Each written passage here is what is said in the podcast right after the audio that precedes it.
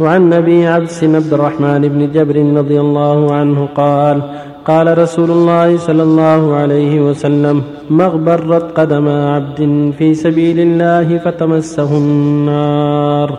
رواه البخاري. وعن أبي هريرة رضي الله عنه قال قال رسول الله صلى الله عليه وسلم لا يلد النار رجل بكى من خشية الله حتى يعود اللبن في الضرع. ولا يجتمع على عبد غبار في سبيل الله ودخان جهنم. رواه الترمذي وقال حديث حسن صحيح. وعن ابن عباس رضي الله عنهما قال سمعت رسول الله صلى الله عليه وسلم يقول عينان لا تمسهما النار. عين بكت من خشية الله وعين باتت تحرس في سبيل الله. رواه الترمذي وقال حديث حسن.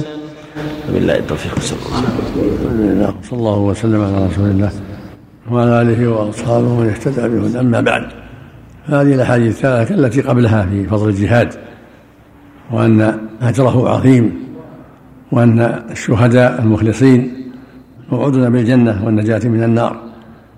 من ذلك حديث أبي عبس حديث أبي عبس جبر النبي صلى الله عليه وسلم قال مغبرت قدم عبد في سبيل الله فتمسه النار. يعني أن جهاده في سبيل الله من أسباب سلامته من النار. وهكذا قول صلى الله عليه وسلم عينان لا تمسهما النار. عين بكت من خشية الله وعين سهرت في سبيل الله. هو من هذا الباب. كذلك الحديث الآخر لا يجب النار. عين بكت من خشية الله ولا عين باتت تحرسه في سبيل الله. كل هذا من باب الوعد للمجاهدين بالجنة والنجاة من النار وهكذا الباكون من خشية الله. له خير عظيم وأجر عظيم. من هذا حديث السبعة الذي يظلهم الله في ظله. أوله إمام عادل والسابع رجل ذكر الله خاليا ففاضت عيناه. رواه الشيخان في الصحيحين. فالبكاء من خشية الله من أسباب دخول الجنة والنجاة من النار. والجهاد في سبيل الله والحرص في سبيل الله والرباط في سبيل الله كله من أسباب الجنة والنجاة من النار. لكن مع الاستقامة يعني مع الاستقامة على طاعة الله ورسوله. هذه الحديث وأشباهها من أحاديث الفضائل. يراد بها يعني مع الاستقامة على أداء فرائض الله وترك محارم الله وعدم الانحراف. أما إذا تعاطى شيء من الكبائر فهذا تحت مشيئة الله. لقول الله جل وعلا إن تجتنبوا كبائر ما تفعلون نكفر عنكم سيئاتكم. قول صلى الله عليه وسلم الصلوات الخمس والجمعة الجمعة رمضان رمضان كفارة لما بينهن ما لم تغشى الكبائر. قال جل وعلا إن الله لا يغفر يشرك به. ثم قال سبحانه ويغفر ما دون ذلك لمن يشاء. يعني ما دون الشرك من المعاصي. فالجهاد والبكاء من خشية الله وصوم التطوع صوم, رمضان تهجد بالليل والصدقات وسائر أنواع الخير كلها من أسباب السلف من النار وكلها من أسباب دخول الجنة. لكن مع الحذر من الإصرار على كبائر الذنوب مع الحذر من الإصرار على كبائر الذنوب ومع الاجتهاد في أداء فرائض الله فالنصوص يضم بعضها إلى بعض ويجمع بعضها إلى بعض. فنصوص الرجاء تضم إلى نصوص الوعيد ونصوص الوعيد تضم إلى نصوص الرجاء حتى يفسر بعضها ببعض. فلا يغلب الوعيد كما تقول الوعيدية من المعتزلة وغيرهم والخوارج ولا يغلب جانب الرجاء كما تقوله المرجئة. ولكن المؤمن يخاف ويرجو يخاف الله ويرجو رحمته فلا يقنط وييأس ولا يأمن من مكر الله جل وعلا.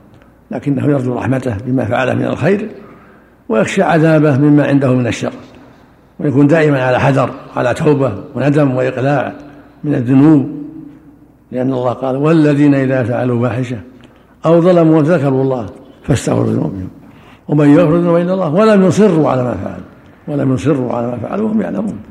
أولئك جزاؤهم مغفرة من ربهم وجنات تجري من تحتها الأنهار خالدين فيها ونعم العاملين فأخبر أن هذا جزاءهم أن هذا هو جزاؤهم إن لم يصر. ولم يصروا والإصرار معناه الإقامة على المعاصي وعدم التوبة. فالإقامة على المعاصي وعدم التوبة من أسباب حرمان المغفرة. فالواجب على المؤمن أن يكون أبدا على حذر على خوف وعلى رجاء لا ييأس ويقنط ولا يأمن ويتساهل. قال جل وعلا في حق الأنبياء والصالحين إنهم كانوا يسارعون في الخيرات ويدعوننا رغبا ورهبا رجاء وخوفا. رغبا ورهبا وكانوا خاشعين وقال فيهم أيضا أولئك الذين يدعون يبتغون ربهم وسيلة أيهم أقرب؟ ويرجون رحمته ويخافون عذابه. هكذا المؤمن دائما بين الرجاء والخوف. يرجو رحمة الله فيعمل ويخشى نقمة الله وعذابه فيحذر حتى يلقى ربه هو بين الخوف والرجاء. وفق الله الجميع صلى الله وسلم صلى الله عليك الحراسة في غير وقت الحرب يكون لها هذا الفضل؟ إيه. هذا الرباط. الحراسة هو الرباط. الرباط في سبيل الله في الثغور يعني في أطراف البلد. سمى رباط. الله لا إله إلا هو الحي القيوم لا تاخذه ولا سيئه ولا ما من الذي يشفع عنده ولا يعلم بشيء من السلام عليكم. السلام. عليكم كيف الحال؟ مساك طيب. بارك الله فيك. الحمد لله. كيف الحال؟ بارك الله فيك. وعندي لي سؤال طال عمرك. نعم. جيت أنا من منطقة حايل لي شغل بعض هنا قلت بسلم عليكم عندي سؤال. نعم. إحنا من قبل سنتين نخرج لبعض نعم. الجماعات وحصلنا ناس إحنا نبي صد أخ لنا حصلنا شايب عمره 75 سنة. قال تفضلوا أنا حبيتكم تدخلون عندي بالبيت. أي. جلسنا عنده يوم شافنا نتكلم نبي نتكلم بالدين وكذا قال والله بالله الحمد والشكر حجيت سبع حجات. من الحمد لله والشكر. قلنا له اقرأ الفاتحة. فقرأ الفاتحة وأخطأ في ثلاث آيات وقمز آية. قلنا له انت جزاك الله خير الحين حقيت سبع حجات وعمرك 75 سنة وصلاتك يعني ما هي يعني مضبوطة. ما هي مضبوطة طالما أنك ما تتقن الفاتحة. فعنده ولد جالس وقلنا له اقرأ الفاتحة فابنه قرأ الفاتحة صح. ففضلنا له حلقة التعليم في البيت. بانهم يتقنون الفاتحة والسور القصار. حصل شيء لبس بعد ذلك في رمضان بعد رمضان إحنا صايمين اسد متجمعين نبي علشان نفطر مع بعض الجماعة. فقلت أنا آه، أخواننا محتاجيننا. في ناس هذا حصلت كذا وكذا وكذا.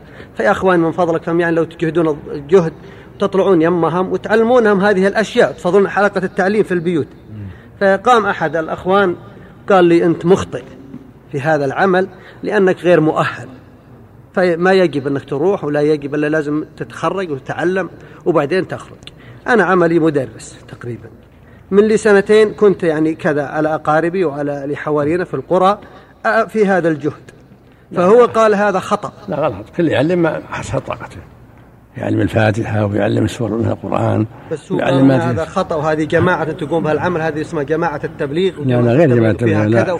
كل إنسان كل إنسان يعلم كان عملي هذا خطأ. كل إنسان يعلم طاقته. كل إنسان يعلم طاقته. اللي يحسن الفاتحة يعلم اللي ما يحسنها واللي يعلم بعض السور يعلم اللي ما يحسنها وهكذا. وتعاون الله يقول وتعاون بالبر والتقوى. نعم. بس لا يتكلم بالله بعلم. الشيء اللي ما يعلم لا يتكلم لا مسائل فقهية هذا. نعم نعم. الانسان الانسان يعلم بما يعلم بس هذا هو. إذا ما في شيء يعني لا لا مأجور مأجور مأجور. جزاك الله يعلم الفاتحه يعلم بعض السور اللي يجهلها يعلم بعض الشيء اللي يفهمه من الدين الحمد لله. هذا من التعاون البر والتقوى. ثابكم الله.